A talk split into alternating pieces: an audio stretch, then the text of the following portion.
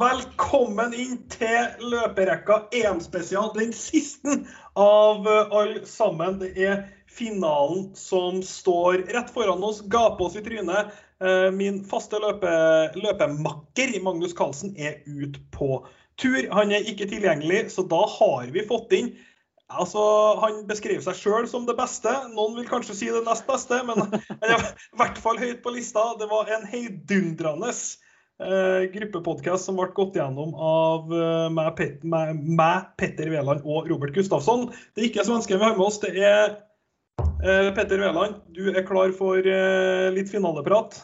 Ja, definitivt. Du droppa F-en i navnet mitt i dag. Vefland? Nei, Petter F. Veland. Ja, og Petter F, ja! Det var den du kjørte. Jeg fikk et par spørsmål om det sist. Hva står den F-en for? Francisco. Effenberg. Ja. Hvis du skulle hatt deg et uh, Vi hopper egentlig rett til det nå. Det er det jeg føler vi har snakka om hver podkast her. Men eh, uh, jeg har jo Jeg fikk en ko kommentar fra en kamerat i, for et par dager siden om at han digga måten du sa Pau Torres på Ja. i, i podkasten. Altså, den var så saus. For jeg, er jo, jeg er jo en fyr som sliter. Jeg mener at folk må bestemme seg. Enten så kjører du lokal tunge på hele laget, ja. eller så gjør du det på ingen. Ja. Eh, du, du har jo det, altså, altså sa han sånn, ja, men hva med Veland? Han kjører, ja, men han kjører konsekvent, sier jeg. Han kjører konsekvens. han, han kan spansk, han kjører de spanske navnene. ja, Og så ja. har ikke jeg inntrykk av at du prøver å treffe på de nederlandske. Nei, øh, for det hadde blitt bom. Eh, og Ja. det hadde hørtes veldig rart ut òg. Ja. Men det er jo den der balansegangen med skal man si Kier og Eriksen. Det føler jeg blir for påtatt. Men Pau Torres, Ja. det kan vi si. Det føles naturlig for meg. Pau Torres, ja, der har vi den. Den er Ja, ja. Det, det er litt sånn strymsvung i den Pauen der òg, liksom. Så den eh, ja. Nei, den føler jeg, den treffer bra på. Pau Torres. Ja, helt klasse. Eh, Vi har, eh, har lagt to semifinaler bak oss. Jeg tenker vi, vi starter med dem, så går vi over til finalen, og så ender vi opp med at vi skal rulle en liten terning på mesterskapet til slutt. Vi starter i Italia mot eh, Skal vi si ditt Spania? Italia mot Spania. Eh, Åpent spørsmål. Tanker om matchen? Um, tanker om matchen. Uh, nå begynner det å bli tre dager siden. Uh, men Det har skjedd 1000 fotballkamper siden den gang, så det er vanskelig å hente opp. Ikke sant? Vi må liksom grave fra langt baki her nå.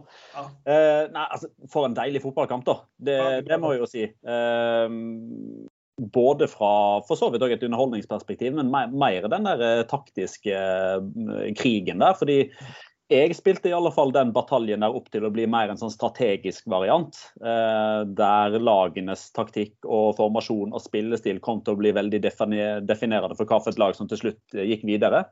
Og jeg må jo si at og Det er bare sånn, en sånn generell betraktning, og det gjelder for så vidt for alle mesterskapene, men kanskje aller mest for dette her.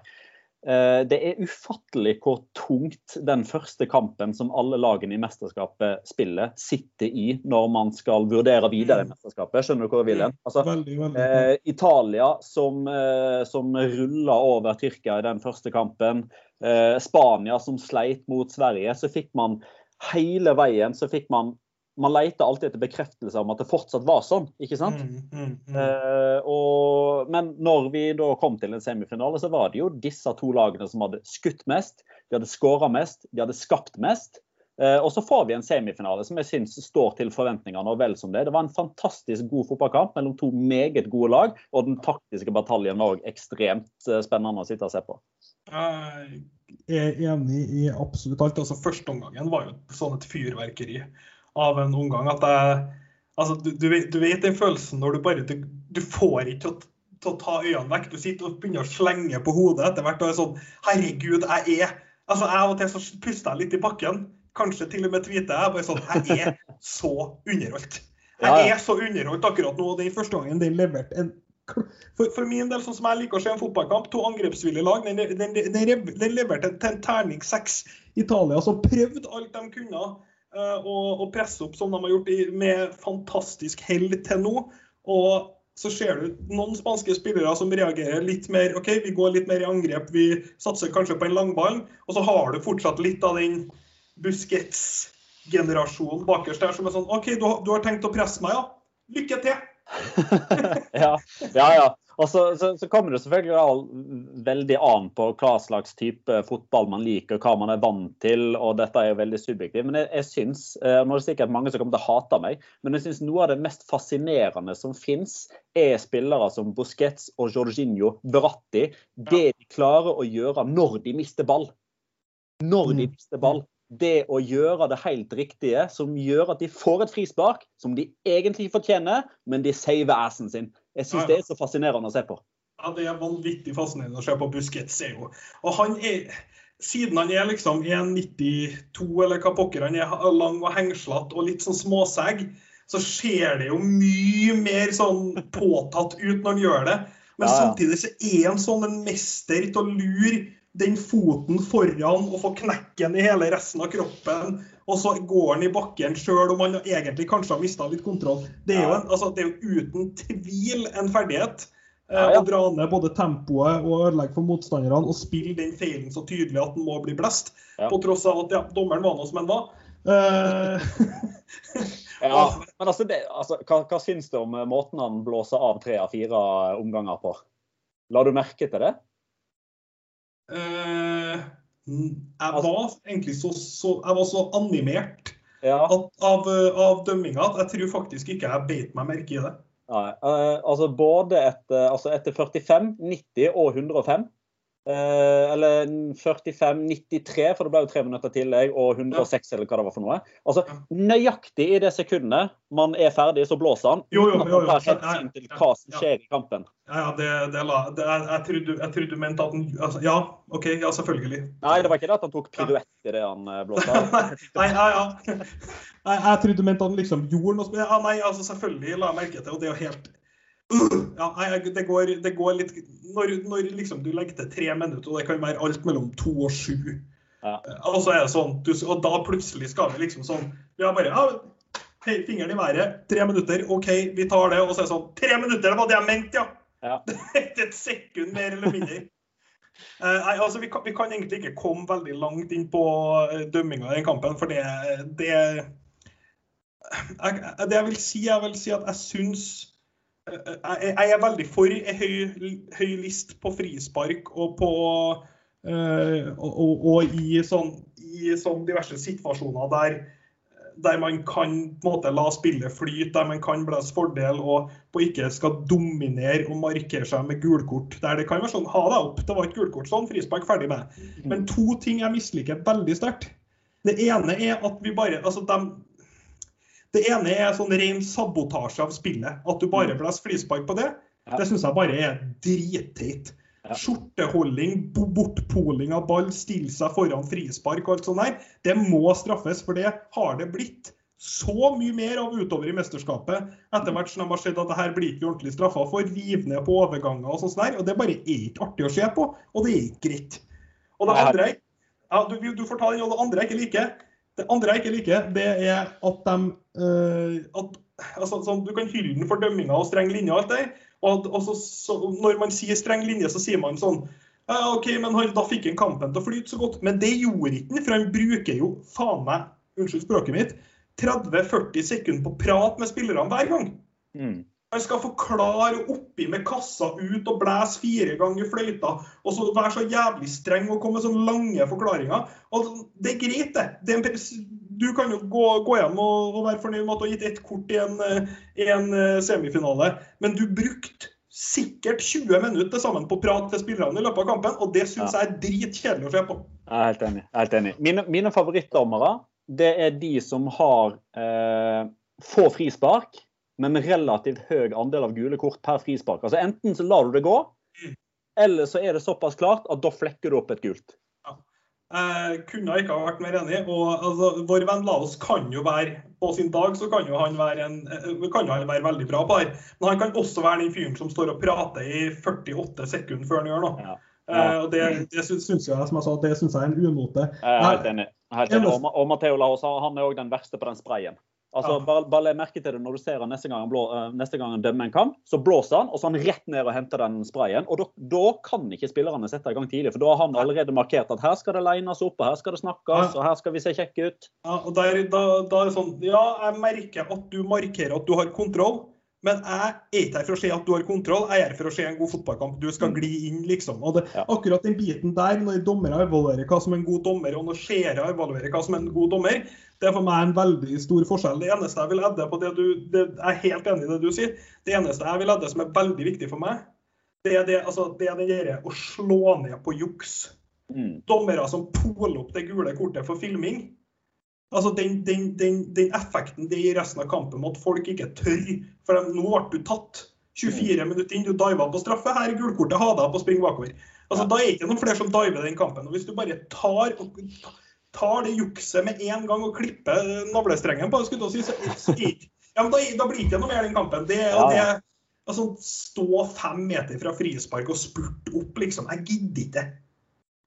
Ja, det er jo, men Den generelle betraktninga kan man jo òg ta over på dette med protester. Altså, Mm. Hvis, hvis dommerstanden bare, blir, bare bestemmer seg for at nå er vi møkk lei. Vi er så møkk lei av den eh, ring rundt dommeren, eh, stopper spillet og står og prater, skal alltid bli forklart ting. Altså, OK, kapteinen skal få lov til å komme med spontanreaksjoner og kanskje be om forklaring. Alle andre som nærmer seg, gult, gult, gult. Hvis de hadde gjort det på lik linje som de gjør i f.eks. håndball, de hadde jo slutta med det.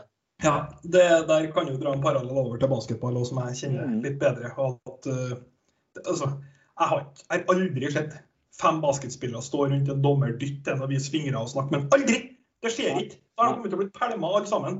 Og det er liksom bare, Setter du den standarden, så får du den standarden. Så Det er litt opp til fotball og hva man vil ha. Men eh, ja, det ble en, det ble en lang eh, li, li, litt, Det ble en lang digresjon på dømming, som sikkert var vel fortjent. Litt tilbake til kampen eh, og det taktiske aspektet ved kampen. som jeg, altså Det jeg fant veldig spennende og litt overraskende, eh, det var for det første hvor godt forberedt Spania var. Jeg skjønte jo at de kom til å være godt forberedt, men hvor bra de traff, hvor mye trøbbel de ga Manzini med måten de stilte opp, og hvor sinnssykt effektivt og nesten sjokkerende enkelt de klarte å ta ut Jorginho. Mm. Ja, det er jo òg litt sånn ehm, Jeg skal prøve liksom ikke å være liksom for generell i snakket her, men um, Spania spilte jo egentlig på samme måte i denne kampen her som de har gjort i alle andre kamper. Altså, De ønsker å gjøre det samme. De ønsker å ha ballen, uh, for da kan ikke motstander skåre. Med mindre Unai Simon står i mål og Pedri spiller ballen tilbake igjen eh, til han. Det er jo et uh, det er jo skjær i sjøen for akkurat den teorien der. Men altså, det er jo en grunn til at Spania ønsker å ha ballen. Det er jo fordi det er det beste forsvaret. eh, Og fordi de ønsker å styre kampen. De ønsker å, å åpne opp eh, motstanderen. Og hvordan åpner du opp motstanderen? Jo, du må prøve å flytte dem. På samme måte, altså, det, dette kunne jo Magnus Carlsen ha forklart, og han har sikkert forklart det tidligere om at du ønsker jo å sette motstanderen med press. ikke sant? Og finne åpningene, få de til å gjøre feil, som gjør at de klarer å skape ubalanse, overtall, og så kommer målsjansen etter hvert. Grunnen til at Spania skapte mer mot Italia enn mot Polen og Sverige, som jo er mye dårligere fotballag, er jo at de, de møtte et lag som faktisk ønsket å spille fotball. Eh, og Det var det som gjorde denne kampen her så bra. Eh, med Pedri, Busquets og Kåke mot, eh, mot Barella og Jorginho og Beratti sentralt. Det var en helt fantastisk duell. Men den vant Spania. Eh, og selv om Italia gikk videre, og det, det er jo det som til syvende og sist avgjorde dette her, men hadde Italia vunnet midtbanekampen, så tror jeg de, de hadde vunnet i 90. Ja, enig. Eh, og da så ser du Altså, det, det handler jo selvfølgelig til syvende og sist om å gå videre. Italia gjorde det. Jeg syns Spania var by far det beste laget. Eh, og så er det kanskje Så mangler det kanskje en David Villa, Fernando Torres en, eh, altså Den skikkelige killeren foran til Spania. Og de har nok mest sannsynlig eh, putta bort den kampen her. Ja, men altså, du, du ser jo hva Spania sitt store problem er allerede når lineupen kommer. Altså Du skal Ja. spille en semifinale, og du velger å vrake de to spillerne som i utgangspunktet skårer flest mål. Altså Alvaro Morata og Gerard Moreno. Eh, og han spilleren som da ender opp med å, å spille som en falsk nier, var jo i mine øyne den nest beste spilleren på banen for Spania sin del, bak Pedri, som var helt enorm. Altså Dani Olmo da, Ja, men da, Dani Olmo, Olmo var helt ja, men han var personifiseringa av Spania. Fantastisk i grunnspillet. Skaper veldig masse. Skjøt 22 ganger i løpet av EM, skårer ikke en dritt. Nei, ikke. Og brant straffen i tillegg, da, for å toppe det. Jeg, meldte den når han kommer fram. Han har ikke truffet mål ennå. Dette går ikke. Nei, ikke. Eh, nei, Det satt jo sikkert i hodet på han, men han spiller jo en fantastisk kamp. Og hvor dyktig han er til å finne rommene, sette fart i rommene og lage ubalanse i motstanderlaget. Du så jo at det italienske laget sleit helt sykt med å plukke ham om. Og de rommene han, tilla, eh, han etterlot seg når han sprang, eh, var veldig grei for andre å gå inn i. Når de, altså, han tok jo så lange, sugende løp. Eh, bra med ballen, hurtig avgjørelse. Jeg syns, syns Olmo spilte en kjempekamp. Og så er det litt sånn, har du kunnet kjørt en David Villa ut til venstre her, da, så kanskje det her har vært en annen historie hvis du har hatt den kliniske av, eh, avslutteren. Men eh, jeg vil si all in all eh, imponert over Spania. Og så syns jeg ser ser så mye svakheter i det italienske laget, på tross av at de vant. Defensivt så ser du jo mange styrker i fireren, og keeperen er jo helt altså Donnarumma er helt latterlig. Mm. Men framover på banen, så, så den kampen her skulle Italia ha closa ut på 1-0. Det Ja. var så mye rom, men du ser den mangelen på fart til alle som ikke heter Kiesa i det framre 4-5. Altså, den er enorm. Mangelen Ja. på fart er rett og slett enorm. Og det straffa seg. De var unøyaktig og treg. Ja, og, og den energien som man beskrev Italia med i første, andre, dels tredje, etter hvert ut i fjerde og litt i femte kampen, den var jo eh, Jeg skal ikke si at den var borte, men det var det jo ikke på samme måte. Det var ganske mange anledninger i kampen der jeg satt og tenkte at oi, nå kommer Italia. Men nei, Italia kom ikke allikevel. Hvorfor kommer de ikke? Eh, Så det er jo det store spørsmålet når vi etter hvert skal begynne å snakke om en, eh, om en finale her. Altså Hvor freshe er Italia nå når de har fått fem dagers hvile? Ja, Det er veldig avgjørende. Men det er ikke bare hvor freshe de er, for de prøvde jo å stå veldig hardt veldig tidlig første gangen, og de ble spilt ut. De ble enkelt og greit spilt ut. Eh, måten Spania klarer å Når de drar kantene ned og kombinerer back indreløper kant, stopper, stopper sentral, og så legger en sånn fem-sekser der som bare kjører kjappe trekanter. Du kommer ikke deg borti ballen. Den er helt enorm. Eh, så det, det, altså det var jeg, vet, jeg vil nesten ikke si at det var udyktighet mot Italia, for jeg tror de kommer til å prøve det samme mot England og kanskje lykkes. Men det var rett og slett bare ekstrem dyktighet av Spania, på tross av at de, eh, på tross av at de tapte eh, kampen. Jeg vil gi en hyllest til CS, altså, den kjedeligste, men kanskje den beste spilleren som jeg ikke hyller nok, Cæsar Aspelikueta. Jeg synes det er, jeg hater å se når han la navnet hans i startoppstillinga, for det er ikke gnistrende offensiv fotball. Og det er ingen tabber defensivt, og det er aldri feilplassering. Og det, han er dritgod en mot én. Det vil si det blir bare mindre artige kamper når han spiller som nøytral seer. Men steike, han er god, altså. Han hadde Insigne så langt ned i lomma si. Ja, nei, fantastisk. Eh, altså Den sesongen han har gjort nå altså Han har jo på mange måter stått litt opp fra Jeg skal ikke si at han har stått opp fra de døde, for det har han jo aldri vært. Men dette har jo vært eh, hans eh, altså resurrection, altså hans gjenoppstandelse. da. Måten han har leda Chelsea som eh, Han er vel i utgangspunktet visekaptein, og så har han tatt kapteinspinnet når Thiago Silva har vært ute. Eh, virkelig vært en leder. og Det er jo han som har altså det er jo Busquets og Alba som har løpt rundt med kapteinsbindet. Men de er jo ganske stille ledere. altså Jordi Alba kjefter og smeller på dommeren, men han er jo aldri inne og virkelig pumper opp lagkameratene på den samme måten som Jeg, jeg, føler, jeg føler ikke han er en kaptein. Jeg, Altså, jeg han føler, var, jeg føler altså, ikke. Bare la oss legge den død med en gang. Han var kaptein fordi han var eldst når Busquets hadde korona. Ja. Ja, ja, kun derfor. Kun derfor. Ja, men du, du, du, ser jo, du, altså, du ser jo forskjellene på kapteinene når de skal uh, slå mynt om eh, straffesparkkonkurransen. Altså, der har du en kaptein mot en som ikke er kaptein. det, det syns jeg virka som en det, det, det, virka som en fyr som virkelig skjønner guttastemning, men som har tatt seg et par shots for mye, og så møter en fyr som han tror er en gammel kompis, men som har utdanna seg til å bli ingeniør og ikke sett sett en øl på tre år. Han snakker ikke det språket lenger. Han, han skjønner ikke hva han gjør. Han var så ukomfortabel. Han bare 'Gutta!' Og han bare, Nei, nei, nei. Dama ser på. Slutt. Jeg skal egentlig ikke være her. Ja, jeg har ikke lyst til å være her. Det var bare brorsan som hadde bursdag. Jeg skal ta bussen hjem snart. Det var, jeg var utrolig ukomfortabel, og veldig komfortabel, uh, Chiellini og, og Alba der. Eh, hvis du skal gi meg en eh, Siden vi vinker adjø til Spania nå, så gir du meg Jeg mener jo du sa det i sted, men turneringa spiller for Spania nå er Pedri, Pedri, Pedri. Pedri. uten tvil. Uten Ja, ja, ja, ja. Og det er jo hvor, ja, hvor typisk Barca er. at når det liksom er sånn, Nei, nå er det litt sånn på halv, på halv sju. Mm, skulle gjerne hatt en ny verdensklassespiller i en, en ung alder her. Jo, faen, der kom han! ja. Der har vi en. Der har vi en. Nå er det bare å kjøre. 18 år, vet du. Han blir 19 i november. Altså, han hadde jo ikke spilt dette mesterskapet om det, skulle, om det hadde blitt spilt i 2020. vet du. Da, da var han jo nettopp henta til klubben fra Las Palmas. Så det er jo, det er jo en enorm story. Og det ligger jækla mye i det som Luis Henrique sier. Eh, I etterkant av semifinalen på pressekonferansen. der. Da fikk han et spørsmål altså, hvordan vil du beskrive Pedri og turneringa hans. Altså, han gjør ting som 18-åring som han ikke så i verken Xavi eller Iniesta. Altså, Der er lista lagt av den spanske landslagssjefen. Nei, altså, eh, hvis jeg skulle beskrive Pedri, vet du hva jeg ville ha sagt? Det ser ut som- det ser ut som enkelt. Ja.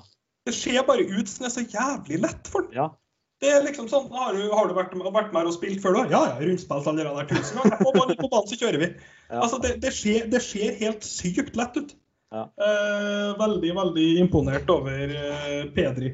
Vi eh, tar litt mer på Italia når vi toucher innom finalen, men nå går vi over til eh, England, som eh, etter hvert eh, var overlegen mot Danmark, men eh, eh, Først og fremst, Vi starter bare rett der. Først og fremst fikk en, altså en straffe som gjør, at de, jeg mister litt gleden av fotball når sånne ting blir gitt. Det kan jeg si rett ut. Jeg vet ikke, hva du, Syns du det var straffe? Syns du ikke det var straffe? Hvor står du? Nei, jeg syns ikke det var straffe. Jeg syns at uh, man legger lista altfor høyt for hva som er klart og tydelig. Man støtter dommerne sin avgjørelse på banen i altfor stor grad, når han i hvert fall ikke får muligheten til å gå ut og se på den. Jeg, jeg, jeg, kunne ikke ha vært mer enig. og jeg, Som jeg skriver på Twitter, så jeg føler at jeg ikke har gjort annet enn å sitte og se VAR-repriser nå i to år. Ja. Og sett liksom ny VAR, ny situasjon, ny VAR, ny situasjon, og ser reprisen 100 ganger. Og den gangen her, i en EM-semifinale altså, De har aldri hatt det travelt før nå. Nå var det sånn Straffe! Ja! Det var nei, vi skal ikke se noe mer, straffe! Det var straffe. Ja, vi har sett reprisen, det var straffe. Få ferdig! Da Ja. skal dommeren se. Nei! Ja, jeg ser hvor du vil hen. Fordi ja, altså, jeg satt jo og så, eh, jeg satt jo så kampen sammen med, sammen med et par naboer her, og vi var jo alle litt sånn Her skal ikke hun ut og se. Skal ikke hun ut og se? Eh, og det som liksom er det store problemet, da, er at man har lagt seg til ei liste i dette mesterskapet som jo er i utgangspunktet veldig bra. Altså, Jeg støtter jo måten dommerne har lagt lista relativt høyt på, sånn på generelt grunnlag. Og så har vi enkeltsituasjoner med Felix Brüch og litt sånn som ikke alltid har lagt seg på den linja, men som generelt bra med høy list for å få flyt i spillet. Eh, og det, altså det har jo ikke vært altså jeg, jeg kan ikke huske mer enn én en eller to sånne on-field reviews. Og det er veldig lite. altså To ganger i løpet av 50 kamper. Det er vanvittig mye lavere enn hva snittet er i alle andre turneringer.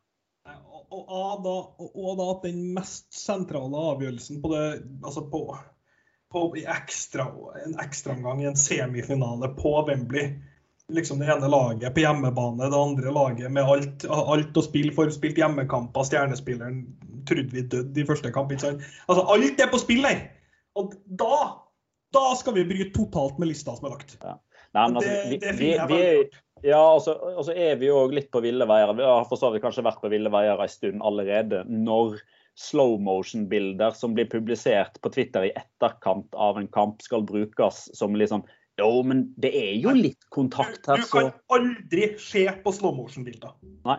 Helt enig. Nei, Dommeren skal ikke få lov til å se på slow motion-bilder engang. Det, så- det, det er bare sånn er ikke fotball. Det er ikke frame by frame. Det er ikke det. Nei, Nei, det Det må, det må gå, kun gå i gamehastighet. En- Enkelt og greit. Ja. Kan ikke sitte og zoome inn og så treffe ta det ene punktet der det ser ut som hofta hans treffer hofta. Faktum er at Stirling er på vei ned når han blir truffet i hofta. Så det er ikke straffe. Og den touchen fra Mæle, det, altså, det er bare da, eh, for, for å si den donk-tingen som folk som liksom folk sitter og roper på puben, da blir det mange straffer hver kamp. Men det blir jo det.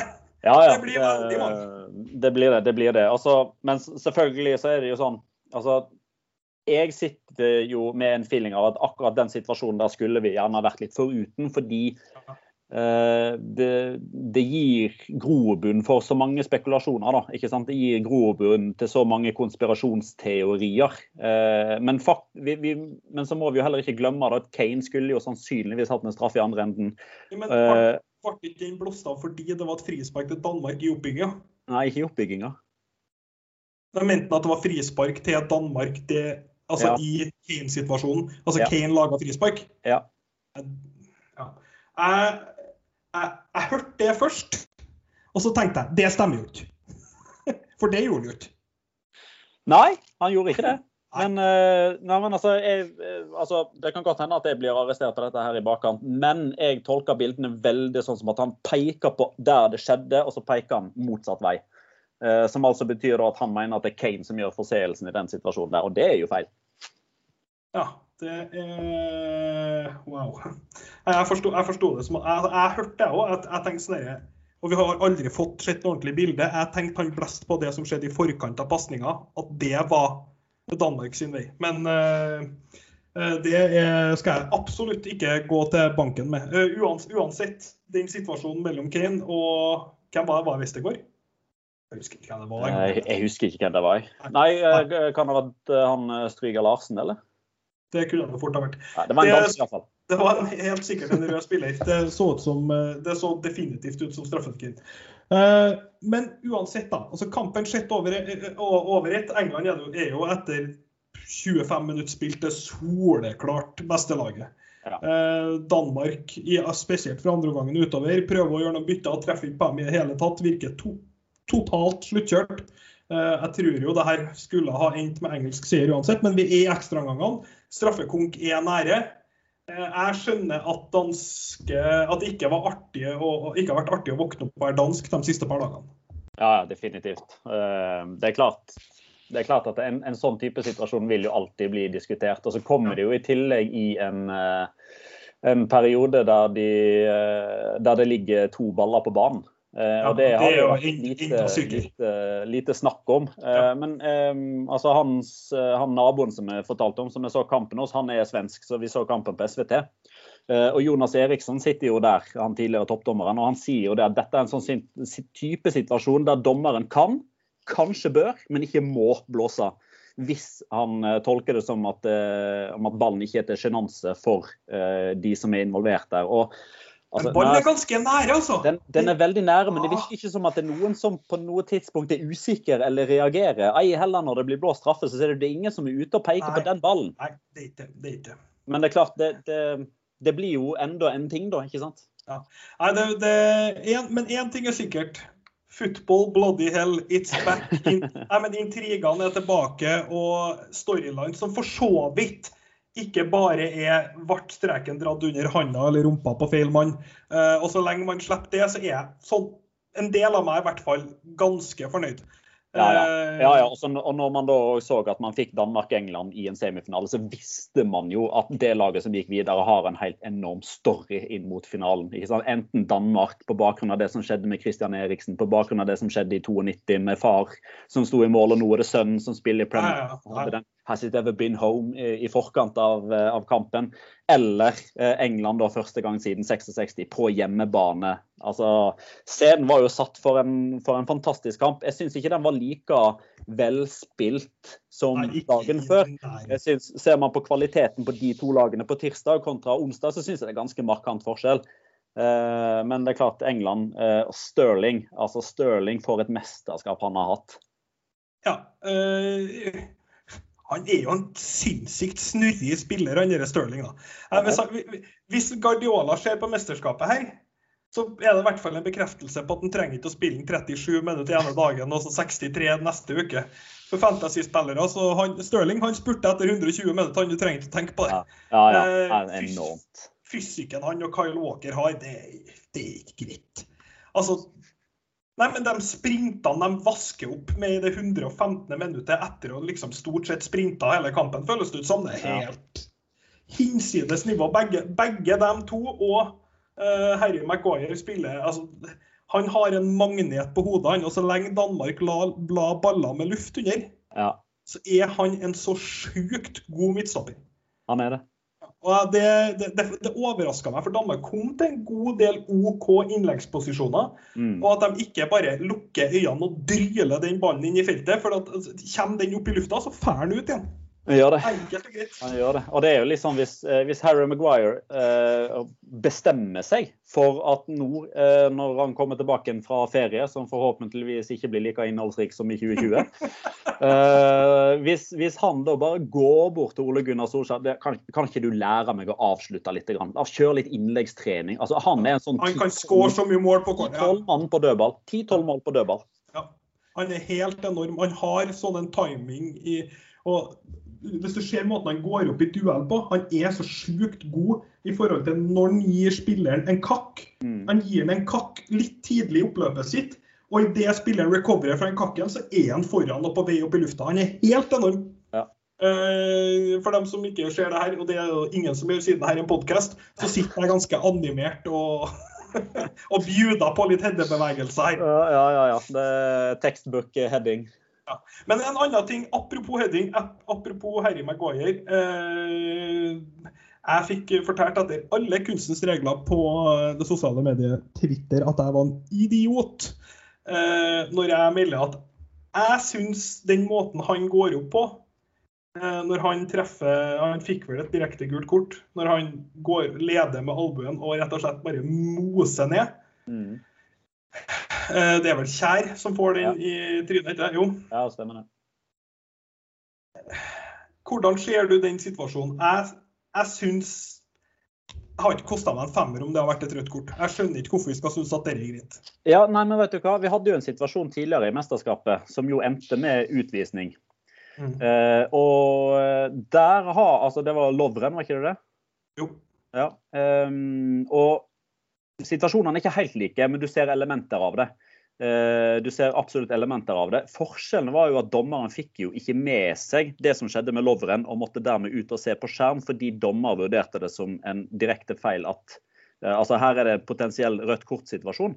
Og jeg tror lista for å be dommer gå bort på skjerm er større når situasjonen ikke har blitt vurdert i det hele tatt. Altså dommer har ikke sett det. Nei, Eh, og det at-. Og, og, det er en annen ting som vi glemmer litt i denne VAR-debatten med hva er clear and obvious error. Det er ikke bare situasjonen i seg selv, men det òg har dommeren faktisk sett og vurdert situasjonen og gitt sin vurdering. Eller har han faktisk ikke sett det som skjer? For her gir han jo det gule kortet til Maguire. Det betyr at han har sett det, han har vurdert det, han mener at det er gult. Og da er ikke det like stor grunn for VAR-dommer til å be om det. Vi har en situasjon her, det er en albue, det, er far, det utsetter motspiller for fare. Gå, gå og kikk på den. Nei, altså, jeg, det, der, det du sier der, tror jeg det er veldig viktig at folk skjønner at det der er prosessen i VAR. Eh, at jeg er enig i at det der skal være prosessen i VAR. Det får være en helt annen ting. Jeg mener jo at, mener jo at det forholdet mellom dommer og, og, og VAR og den inngripen slash ikke-inngripen-protokollen, den mener jeg bare tull og tøys. Uh, altså, når det er liksom ting som er Helt ærlig, ja, tinning i Nei, altså en albue i tinningen kunne ha vært noe til helvete ut. Han har jo ikke spilt fotball på, på gud bedre. Ja, men det der kan gå skikkelig galt. Det der er ikke et slag i magen. liksom. Hvis du knytter neven og slår en fyr i magen, usportslig, overlever det. Mm. Altså, Det der kan gå skikkelig galt, og så kan folk komme sånn Det er sånn du leder i, i ja, Greit. Her kan folk være så uenige med meg som de vil, men jeg mener at alt du gjør i fotball, er med risiko. Ja. Hvis du hopper med høy støvel for å ta ned en ball som du ikke har helt kontroll på, som kommer over skuldra di, Mm. tar du ned den ballen rett foran ansiktet på en fyr, så mener jeg at det skal ikke få nå. Treffer du den i ansiktet, så er det du som går opp med den høye støvelen. Du Ja. vet at det er en høy støvel, du vet ikke hva som er bak deg. Nå får du rødt kort. Ja. Livsfarlig. Går du opp med en høy albue, og du bare du, du treffer en fyr kanskje litt i skuldra, men du vinner hodeduell, greit. Treffer du en fyr i tinningen med albuen din, kom deg ut. Altså, det, det, det jeg, ikke, har- altså jeg er som regel en ganske tolerant person. Jeg har ganske høy list i diskusjoner. Eh, Jeg har empati. Jeg prøver å forstå folks argumenter i diskusjoner. Men Ja, det, der, er vi, der er vi helt motsatt. jo, jo, men Agnes, det, det jeg ikke forstår uh, i sånne diskusjoner, er den derre Jo, men eh, hvordan skal han ellers hoppe? Ja, det skjønner jeg. den, den er jeg ikke med på under noen som helst omstendigheter. For se forskjellen på måten Maguire går opp i den situasjonen der han treffer Kjær og får gult kort, kontra den situasjonen som er senere i kampen, der han tvinger Kasper Schmeichel til å gjøre en helt fantastisk redning. Han går opp på to vidt forskjellige måter. På den første så utsetter han motspiller for fare, fordi han har den her oppe. Dette ser ikke lytterne, men de kan se for seg at nå sitter jeg med albuene rett ut. Ja, det gjør. Kontra i den andre, der han har de her nede. Og han klarer å hoppe allikevel. Så akkurat det argumentet der får det langt inn i H vekk. Ja, jeg er utrolig enig. Eh, og det her blir tatt opp på film. Der var du så god, kanskje til og med bedre enn headinga mi, at jeg vurderer om her kanskje vi skal, vi skal utgi den filmen. der. For det var noen høye albuer som ble, eh, som ble vist ned i tidligere Østfold der. Veldig høye albuer. Nei, men altså, det at du leder med albuen nå jeg bare, jeg, Sorry, ass. Ja. Bare glem det. Ja, ja, altså når, når det er første ting du kan treffe som motstander. Ja, du går, du går du, du, sånn, ja, men da leder Malmö, men det er naturlig å hoppe sånn. OK, greit. Men hva er han på vei inn? Ja? Er han på vei inn i en kiosk, eller er han på vei inn i en hodeduell? Jo, han er på vei i en hodeduell. Vet du hvorfor det heter en hodeduell? For det er masse hoder der. Ja. Ja. Da, hvis du leder med albuen, så går du inn med en risiko om at dette kan gå skikkelig galt. Jeg syns det klinker rødt kort. Men uh, vi, kan, eh, vi kan for så vidt pakke sammen det. Si litt det samme om, eh, om, om den kampen her som vi gjorde om den forrige.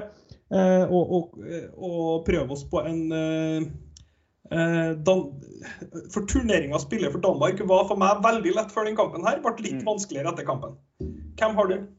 Nei, altså jeg syns i utgangspunktet at altså Hvis vi tar med liksom overraskelsesmomenter da, altså Joakim Mæhle kom jo på altså, Ja, vi har sett han spille fotball, han er kjempegod, alt det der. Men måten han eh, ble en så sentral del av angrepet til Danmark fra en back-wingback-posisjon, syns jeg var fryktelig, fryktelig imponerende. Eh, Det kan godt hende at det som skjedde i parken mot Finland, og den karakteren Simon Kjær viste i den kampen, kanskje farger meg litt. Men jeg syns han har vært outstanding. Han er, stopper på, han er en av mine stoppere på turneringens lag. Eh, Og så syns jeg Pierre Emil Høibjerg har blitt bedre og bedre og bedre. og bedre. Ja, Og så har de en rimelig bra burvokter i tillegg. Kasper. Schmeichel, ja. Kasperen er, altså Hele defensiven deres er jo sterk. Vestergaard Christensen Kjær er Eller Kja! Den eh, hold, hold, eh, hold, et, eh, hold et høyt nivå. Altså, Jeg mener Joakim Mæhle har vel egentlig vært ganske klink, men så var han fryktelig svak mot England. Han var det. Han visste sitt før ekstraomgangene, nesten. Eh, Kyle Walker bare sa du vet ikke hva, du kan komme her med den farta og gjøre dritten som du holder på med, men det kan du bare glemme. Ja, ikke sant. Ja. Eh. Ja, det var litt sånn, det, det er et uttrykk jeg har, jeg har, jeg har coina som heter storebroring. Eh, det Kyle. Walker drev på med på Joakim Mæhle kampen her, det var storebroring. Ja, det var Det var sånn, det, var det. var artig at du fikk lov til å være med litt, men nå gidder ikke jeg mer. Ja, ikke sant? Du har fått lov til å være med på festen, men nå må du gå og legge deg. Ja. ja. Nå kommer morsan hjem snart, du er 16, Ja. dere får ikke være med på. Nei, det var, det, det, det var litt sånn vibe, men jeg syns fortsatt han har vært så outstanding at jeg tror jeg gir den til han knepent foran Kjære òg. Ja. Eh, ja, men begge to Kjedelig at vi er enige, men uh, sånn er det. Ja, Og så syns jeg Damsgaard har vært et utrolig friskt pust. da. Det, Ja. skal, det skal sies. Eh, absolutt. Det var Eh, det eneste frisparkmålet i EM. Det er ganske sjukt. Ett frisparkmål. Det er litt sånn som i Champions League for to sesonger siden. Ett frisparkmål. Det var Paulo Dybala. Ett frisparkmål, og vi ja, Nå er det en finale igjen, da, men eh, kan, vi kan påberope oss at det er en keepertabbe, eller? Ja, ja, ja. Ja, ja. Men igjen, der også syns jeg det var en sånn interessant detalj. Eh, For jeg var helt sikker på at det var Stryger Larsen som kom til å ta det, basert på måten de uh, agerte i forkant. Og det, jeg tror kanskje Pickburn ble satt litt grann sjakkmatt akkurat der. Fordi det er Damsgaard som legger ned ballen først, og så bare beveger han seg unna. Han står i en posisjon som gjør at man, man ser at her er han en kandidat. Men det, det er Stryger Larsen som liksom tar det siste touchet, som står ved ballen, som skritter tilbake, og så blåser dommer, og så bam, kommer Damsgaard. Ja, og det er Det der er sånn at Den tror ikke de diskuterte seg fram til der og da. Det der tror jeg var i 100 innøvd. Mm. Og det gjør kanskje at For Pickford står en meter feil i forhold til at det er Damsgaard som skyter. Ja. Eh, Donnarumma tror jeg kommer seg bort den, men, eh, men Pickford har jo den rekkevidden han har, og da kan ikke han stå en meter feil i Ja. sånne situasjoner. Nei. Eh, En annen ting med Pickford som jeg bare har lagt merke til i større og større grad. altså Han er så glad til å bokse, han, at jeg mistenker at han i løpet av oppveksten og kanskje òg i tidlig 20 år har vært på disse strandpromenadene på Mallorca og Ayanapa og alt dette her, der de har sånne bokseringer. altså bare, Han har, han har øvd inn den, ikke sant? For å få 999. Ja, det er 999 punching power. Ja. Men det er, jo også, det er også en kompensasjonsteknikk, for det er ikke noe, det er ikke noe Courtois der. Kommer, han kommer ikke opp og henter ned den ballen mellom to spillere. Nei, han må, han må opp med øverste knoke. Ja, han er jo 1,85 og har relativt korte hender, så det er klart ja. han, er ikke en, han er ikke en gigant i duellspillet. Så det bokser driten ut av ballen. Men ikke ett baklengsmål, så han er jo den beste keeperen i så måte han har hatt et sinnssykt mesterskap fram til mot Danmark. Da ja. var han tilbake til gamle synder, kasta bort ballen, virka nervøs. Slapp inn et tabbemål og ja. Ja, gjorde bort mye. Men det har vært i kjempeform fram til. Det skal vi ikke ta bort ifra ham. Jeg hadde den på turneringas lag klink egentlig før semifinalen. Eh, men eh, vanskelig, vanskelig, etter det. Det siste jeg vil si om den kampen, er at jeg vil gi Danmark honnør for å ha rett og slett vært god på feltet og øvd inn sinnssykt mye trekk. Mm. Og trekk er sånn, så folk, Hvorfor har et klubblag masse trekk? For hvis klubblag har masse trekk, så vet du det. I løpet av to måneder så vet alle hva trekkene Men i et mesterskap så kan du faktisk øve inn trekk ingen har sett deg spilt før. Du kan komme med en skattkiste med trekk som skal fungere i en måned, og du kan bruke dem. Og der har Danmark vært outstanding, syns jeg. Mm. Enig. Ja. Uh, vi går til finalen. Vi har jo snakka litt om begge lagene. Jeg har vært god på åpne spørsmål så jeg stiller rett og slett spørsmålet hva tror, hva tror du? Hva tror jeg? Uh, nei, altså alt tilsier vel at England choker igjen, gjør ikke det det? Bare at uh, det skal liksom Jo, men altså de, På et eller annet vis så skal dette her gå skeis, ikke sant? Altså, det er jo sånn det er. Ja, det er, det er, sånn det er. Jeg var ikke født i 66. Ikke, altså, pappa var fire år i 66, så det har ikke jeg noe forhold til. Det eneste jeg forbinder det engelske landslaget med, er skyhøye forventninger og store skuffelser. Så fram til det blir motbevist, så er det liksom det som er mantraet. Det er det som er normalen. Og la jeg bare merke til den der enorme maninga som var etter at de slo Tyskland. Uh, og det, liksom, det, var første gangen de slo Tyskland i mesterskap, men det var en åttedelsfinale. så det, det, var så langt igjen til mål. ikke sant? Men allerede der så hadde jo de vunnet EM, føltes det som. Og så er det, ja, det, Du får ikke mer typisk engelsk du får ikke mer typisk engelsk enn at de vant jo, de har jo vunnet VM to eller tre ganger, dem nå. Ja, ja. Før, før finalen. Uh, men det hadde vært altså, jeg, Hvem var det som sa det? Hvem var det som sa det? Eh, nå stjeler jeg noe fra en som jeg ikke husker hvem er. Det var en av disse som var på det. Kan det ha vært eh, Alexander Skau? Som bare la, la, de få det. La, la oss bli ferdig. La, la, den liksom komme hjem, og så er vi ferdig med det. Og så kan vi lage noen nye sanger som vi plages av. Ja? Den er Jeg er ikke uenig. Nei, jeg er faktisk ikke det. Jeg er ikke uenig. Samtidig, samtidig så hadde det vært en befest bekreftelse egentlig da, av hvor makta i fotballen ligger akkurat nå. Altså Hvis du da har, du har dobbelt engelsk i Champions League-finalen, og hvis ja. de da vinner EM eh, i etterkant, så er det, liksom, det, det, er vanskelig å argumentere mot at makten ligger der akkurat da. Nei, og det, ja, det kan jo være irriterende på sin måte, det òg. Eh, altså, for å gå litt, litt mer konkret til verks, eh, så syns jeg us Hvis Italia kommer med den spruten i fotene som du snakka om i sted, fem dagers hvile, er klar for å presse igjen, det tror jeg. Jeg, jeg tror absolutt de ikke må være sånn Oi, vi ble spilt ut av Spania, nå må vi justere. For nå er det Calvin Phillips som har sett mm. litt mer og mer shaky ut. en Declan Rice som jeg rett og slett syns er sånn helt medium god fotballspiller. Eh, de tåler ikke å bli pressa, sånn som Busquets. Absolutt ikke. Det er noen forsvarsspillere med altså, Luke Shaw faktisk helt enorm på små flater og trekanter, men Kyle Walker har jo sin definitive svakhet der. Eh, kommer de til å komme en femmer bak igjen? Mm, hvor mye tør de å spille mellom midtbane og backrekke? Hvor mye tåler de presset? Jordan Pickford, mye ball i fot? Eh, jeg ville ha pressa driten ut av laget her, altså. Ja, jeg synes Det som er interessant her, da, rent uh, taktisk, er jo at jeg tror kanskje Spania er det landslaget som har de verktøyene i kassa til å kle av Italia på den måten som de tidvis gjorde i semifinalen. Det har ikke England. Nei. Men på samme måte så tror jeg England har litt av det Spania mangler for å knekke Italia i løpet av ordinær tid. Og det er jo denne hurtige omstillinga fra når de vinner ballen. Altså Hvis de får Sterling, Kane, eh, altså, om det er Sancho eller Saka eller hvem det er som starter, da. Det er masse tempo der, det er masse fremoverretta. Mm. Eh, hvis de får Chiellini, Bonucci spesielt, da, til å rygge og rygge og rygge, der har ikke Spania det samme eh, giret inne som England kan ha i overgangene. Nei, og de har jo, det, altså, En ting vi har sett fra England, så er at de har matchvinnere i hver boks. Mm. Og de har, eh, når det går framover, mot, altså spesielt med Spinazzola ut med den hurtigheten han har Ikke ja. at Emerson, Emerson er ikke akkurat nå. Der bomma han fryktelig for øvrig på byttet i kampen. Men, det, det får, men eh, altså Emerson var kanskje sluttkjørt, han, men han har, han har bra fart, han. Men ellers er det relativt seigt bak her. Og midtbanen heller altså Verratti er jo rå frekvens, men direkte treg i spurt. Mm. Ja, ja. Han eh, ser kjappere ut enn han er fordi Ja, men med en gang de, altså Han har ikke sjans i en spurt. Nei, nei, nei. Eh, overganger er jo, jo, sjanseløs, og Jorginho er ikke akkurat en eh, Altså, Han er ikke 99 pace på Fifa, han for å si det mildt. Nei, relativt, relativt uh, halvseg, han òg, når ja. det går bakover. Så det, England kommer til å gå for å klinke høyt uh, og, og, omstille kjapt. Ta de kontraene de får.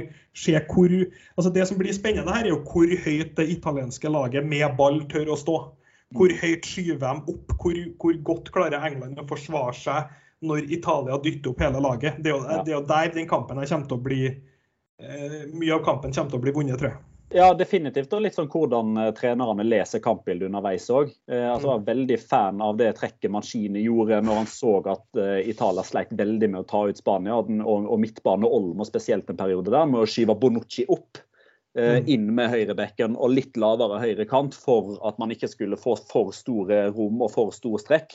Og så er det i noen tilfeller at Bonucci rett og slett bommer, men, men, det er jo en ren sånn det er jo, altså, det, ja, det man, Mancini får liksom ikke gjort noe med hvordan eh, Bonucci utfører oppgaven til enhver tid, men akkurat det trekket med å kjøre veldig sånn offensiv stoppermarkering på den falske nieren. Eh, og Kano er jo en sånn type. altså Han, han er jo ikke i nærheten av å være falsk ni, han er jo rein ni, men han er jo òg veldig flink til å komme litt dypere for å være en linkerspiller. Der har han, fy, fy flate for noen steg han har tatt på det. For en pasningsfot og overblikk. og for, altså, Nei, det, var en 15 sekunds hyllest av Jeg er sjokkert over hvor god Harry Kane har blitt. Han er helt psyko. Uh, var kanskje litt mye falling for min smak sist kamp, men uh, han kommer definitivt til å gi Bonucci og Chiellini han er smart i bevegelsene, han er villig til å droppe helt ned i midtbaneleddet for å ta imot ballen, og han har foten til å snu seg og klinke mellom stopper og back, eller eh, lang ball ut òg. Så det, det, det, er spennende å se hvordan Italia løser det. og Det, det blir jo sikkert Bonucci de sender etter den, da. Ja, det, ja, ja, de kan, kan, ikke finne på å sende Kiel inn. nei, nei, så det blir spennende. Eh, det neste jeg syns er spennende, jeg synes det er veldig spennende, for Danmark, nei, England har jo ikke veldig sjokkerende. så har de jo sett fryktelig mye bedre ut når de går bort fra den femmeren bak. Eh, Riktignok har de jo kjørt mot Ukraina og da Danmark. Eh,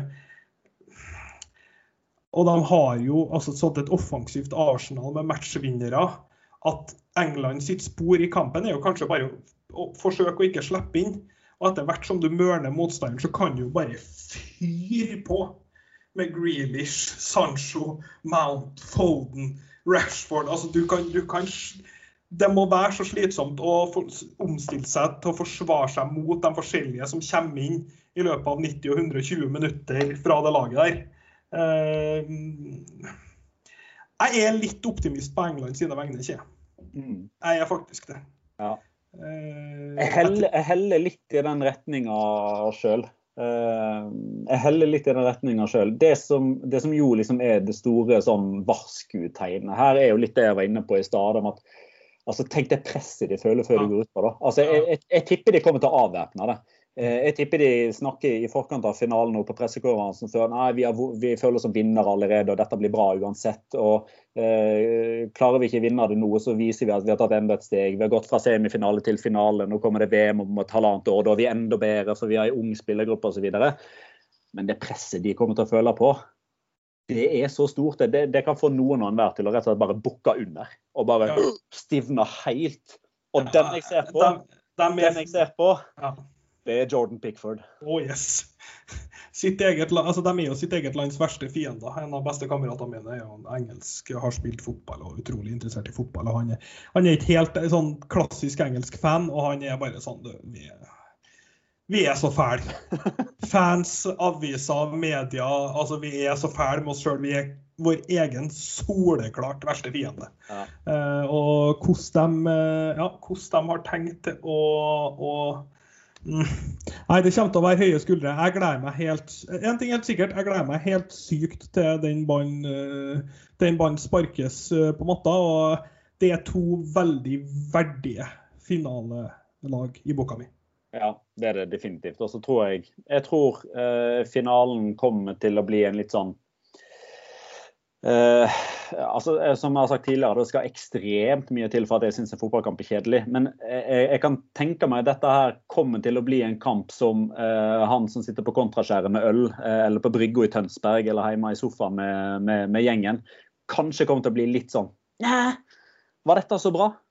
Ja, Det er en og en halv linje i kampen. Det er alt jeg kan si. Ja, ikke sant? ikke sant?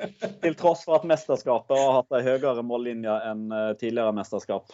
Ja, Det er fortsatt en og en halv linje i finalen, så det er satt visse forventninger til hvordan det her skal rulles ut. Vi kårer eh, EMs spillere fra både England og Italia. og Vi starter med Italia. Hvem har du? Um, må si at uh, Donnarumma har vokst uh, veldig. Jeg syns uh, Chiellini har vært den lederen som han skal og bør være. Men den som kanskje har liksom bergtatt meg mest underveis, er Nicolo Barella ja, spiller. Ja. Jeg blir fryktelig svak for han med, med tyngdepunkt, temposkifte. Eh, god med ball, gode løsninger. Eh, så mm, Der det kanskje var litt sånn obvious å velge Pedri og, og Mæle på, eh, på Spania-Danmark, så tar jeg en liten dyping med, med Barella på Italia. Jeg hadde gitt deg Jorginho før Spania-kampen. Eh, så kan vi jo kanskje vurdere det på den siste straffen òg, selv om jeg mener at det kanskje er mer keeper som ikke, ikke gjør helt leksa si der. Men ja, gikk tidlig. Wow. Ja, han gikk fryktelig tidlig. Eh, nesten sånn at han finta eh, Jorginho med at han, han, gikk så tidlig at han bare sånn Kødder du? Går han nå? Hva skal jeg gjøre nå? Ja. Men eh, jeg, han var jo ikke spesielt bra i semien, og har vært fryktelig bra før det. Han har det. Jeg synes Insigne synes jeg har vært helt medium. Immobile ikke noe spesielt. Uh, Kies har vært god etter han har kommet inn. Altså, hvis, hvis, mesterskapet hadde hatt to-tre kamper til, så tror jeg Kiesa fort hadde blitt en som hadde liksom kommet på siste indre ja. Matchvinner. Han kan jo fortsatt være den som avgjør finalen, og så være helt oppe i toppen. Jeg, jeg, jeg kan, Mulig jeg er litt kjedelig, men jeg er så svak for den. to timer. Jeg syns Donnarumma bare er helt ja, men altså, Det føles så jævla solid å ha en bak seg. Ja, ja, eh, god til å igangsette og bare helt latterlig god. Bare helt latterlig god. Han kommer til å bli en så fæl keeper. Enkelt og greit. Altså, 22? Ja. Og spilt hva da, 300 kamper? Yes. Altså. To, 260 kamper for Milan og 33 for Italia. Og sånt. Det er så enormt. Vet. Ja, det er helt sinnssykt. Altså, om han bare holder seg på det nivå her, så kommer han til å være helt grufull å ha med å gjøre. Ja. Men han blir sikkert bedre. Det er helt, eh, helt eh, Nei, jeg tar Donna. I England, hvem tar du der? Altså, jeg var jo inne på det litt tidligere. da Jeg syns Raheem Sterling fortjener den. Eh, på bakgrunn av hva han har vist, men liksom altså, altså, fortjent. altså Hvorfor får den fyren der så jævlig mye dritt mot seg, liksom? Eh, så litt av sånn sympati òg. Men eh, jeg syns Luke Shaw har vært eh, ja, fin. Har vært enorm. Veldig fin. Han er min eh, venstreback på, på turneringas eh, lag. Mm. Eh, men skal jeg velge én, så syns jeg liksom det, det, det, blir for dumt å ikke ta Stirling, syns jeg. Ja, jeg er faktisk enig. Jeg syns han har vært så I hvert fall nå som Pickford hadde en dårlig match, så syns jeg han har vært så klokkeklart den mm. beste spilleren at det er vanskelig å ta den andre. Og han, ja idet de var så baktunge og så vond å se på, så var det kun han som skapte noe i et par gruppespill. Det var han som satte de videre. Altså Han, han alene, liksom. I tillegg til at Pickford eh, holdt nullen, da bevares. Men det var ikke så mye han ble testa. Ja. Uh, så se, men altså, selvfølgelig òg en annen mann som, som, skal få sin velfortjente hyllest, det er jo uh, Maguire. Men han har vi jo allerede snakka opp, ja. selv om han kanskje skulle vært utvist. Walker, enig. Walker, Shaw, Maguire, outstanding. Resten av laget Altså, Grealish har vært syk, selv om han knappest har spilt 100 minutter. Ja, det er det som er problemet. Vet. Han har nesten ikke fått spilt. Alt er en sjanse når den gutten er på banen. Eh, Ja. Kane har spilt seg opp, men eh, nei, det er en ganske enkel Stirling for, eh, for min del også. Eh, vi begynner virkelig å nærme oss slutten. Vi sa vi skulle ta en eh, kjapp en. Eh, nå viser det seg at eh, jeg, jeg føler vi kunne snakka timevis mer om alt òg, men vi skal vi må, ja, nei, vi, må, vi må begi oss det siste vi skal gjøre. Det er at vi skal rulle en terning på mesterskapet. Vi snakka jo på forhånd, begge toene var litt sånn uff, håper det her ikke blir kjedelig. Eh, det her kan bli litt kjedelig. Ja. Uh, men uh, Det er deilig å ta feil, er ikke det det?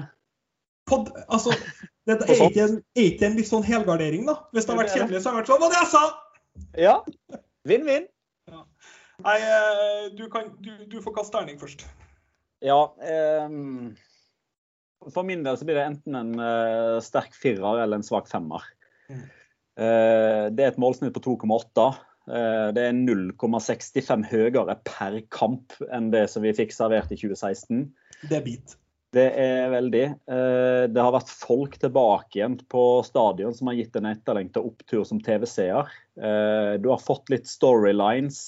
Du har fått den enorme dramatikken som endte lykkelig med Christian Eriksen, der vi frykta det verste, men det gikk Mm. bra. Eh, Du har hatt feiende flotte kamper underveis. altså Du hadde jo den ene mandagen med, med Spania, Kroatia, Sveits, Frankrike, som alene kanskje gir terningkast eh, seks på hele mesterskapet. ikke sant? Du har hatt sju kamper som har gått ekstraomganger. Du har hatt masse straffesparkkonkurranser. Så jeg, eh, jeg argumenterer meg fram til at det blir fem. Ja, jeg, jeg hører at det der var ikke en, det var ikke en firer underveis. Nei. Nei, jeg hadde, jeg hadde jo allerede bestemt meg for at jeg er på en klink femmer. Det er ikke helt opp på sekseren, men det er, en- for meg så er det en klink femmer. Ja. Uh, det, er, det er kun et par helt sånn For at jeg skulle fått det opp på sekseren, så skulle det ha vært Altså, jeg, der, nå, blir jeg, nå blir jeg utrolig picky, men da ville jeg hatt noen litt sterkere lag litt lenger. Ja. Eh, gitt meg et England-Frankrike i en 2-2 i semifinalen, kanskje istedenfor Danmark. Selv om jeg ikke har noe imot den Danmark-storylinen.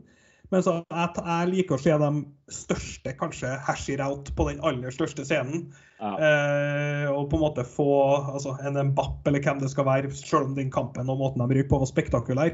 Eh, så det altså Nå snakker vi hva som vipper det fra det aller øverste. Og så kunne jeg ha tålt litt flere sinnssyke mål. Ja. Det, men utenom det så bifaller jeg alt du sa. Og døm, dømming, folk tilbake, fotball føles ut som det lever igjen. For meg så er dette et av de viktigste mesterskapene i og fotball-occasions i moderne tid. For eh, jeg har slitt i det siste med VAR uten publikum. Det har føltes statisk, kunstig.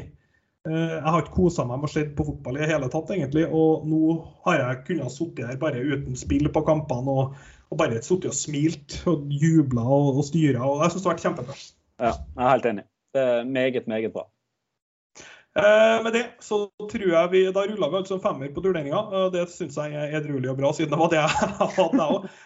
Vi beklager at vi var såpass enige i løpet av podkasten, men vi hadde ikke snakka om, om hvor enige vi var på forhånd. Så da er det vel bare et samstemt uh, mesterskap. Jeg sier tusen hjertelig takk for at du stilte opp, uh, Petter. Det var eh, feiende flott igjen. Ja, det var bare hyggelig. Vi krangles mer neste gang. Ja, neste gang så skal vi være skituenige. OK. Tusen takk.